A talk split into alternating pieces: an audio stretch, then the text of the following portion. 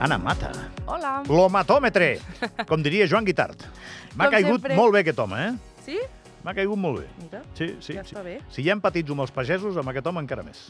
El pas que em talli la carretera em toca una mica els nassos, però... Avui ja no, avui ja no. Avui ja no. I, ha. I ho ha enfocat d'una manera que la culpa és nostra. Si no va cap periodista, no tallen la carretera. Això, Clar, això és així. sí, sí, ja ho va dir, eh, les declaracions Sí, a, sí, a ho- l'equip que va estar desplaçat ahir, o sigui que... O sigui, la culpa és teva per venir a entrevistar-me. Exacte. Bueno, home, què tenim a l'homatòmetre? Doncs, com sempre, tenim eh, tres qüestions, tres, tres temes una mica diferents entre ells. La primera és l'entrevista de Tucker Carlson Ui. amb Vladimir Putin, que encara no s'ha publicat en línia, però ja s'està fent doncs, eh, Xup, tot xup. el tema de les licitacions, etc.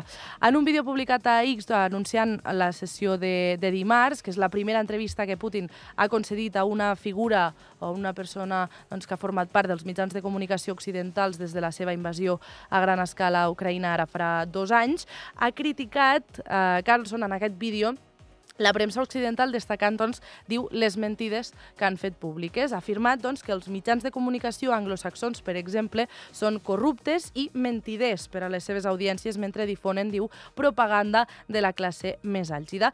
Per altra banda, la cadena CNN ha volgut fer un repàs d'aquest vídeo on explica doncs, aquesta entrevista, traient allà, o sigui, fent sortir a la llum uh, moltes de les mentides que ha anat comentant. I una d'elles, i la principal que destaquen en aquesta resposta, que és que cap mitjà s'ha interessat per fer una entrevista al líder rus. I això, diuen, no és veritat.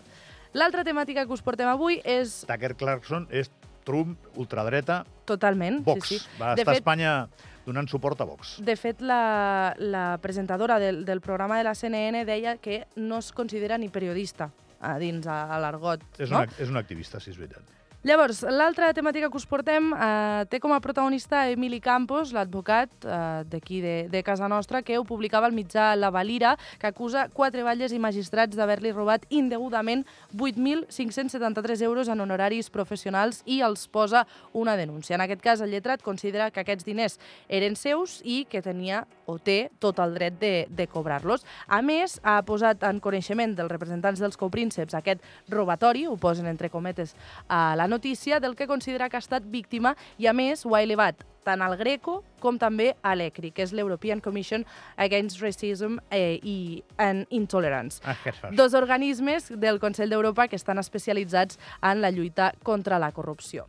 La última us portem una temàtica que toca de prop i, a més, eh, ho ha tret la nostra companya Rosa Alberg ara fa uns instants. Els eh, nostres oients ho poden veure també a la nostra pàgina web i a les diferents xarxes que tenim. Imminent Productions, que és una productora andorrana que portarà al cinema la trajectòria d'una de les bandes de rock català més emblemàtiques. Els estem escoltant? El Sau. Sau.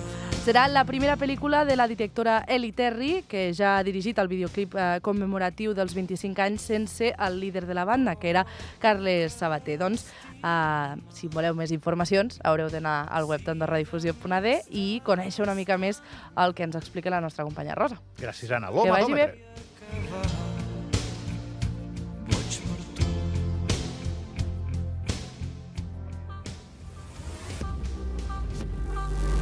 Amb la Nacional.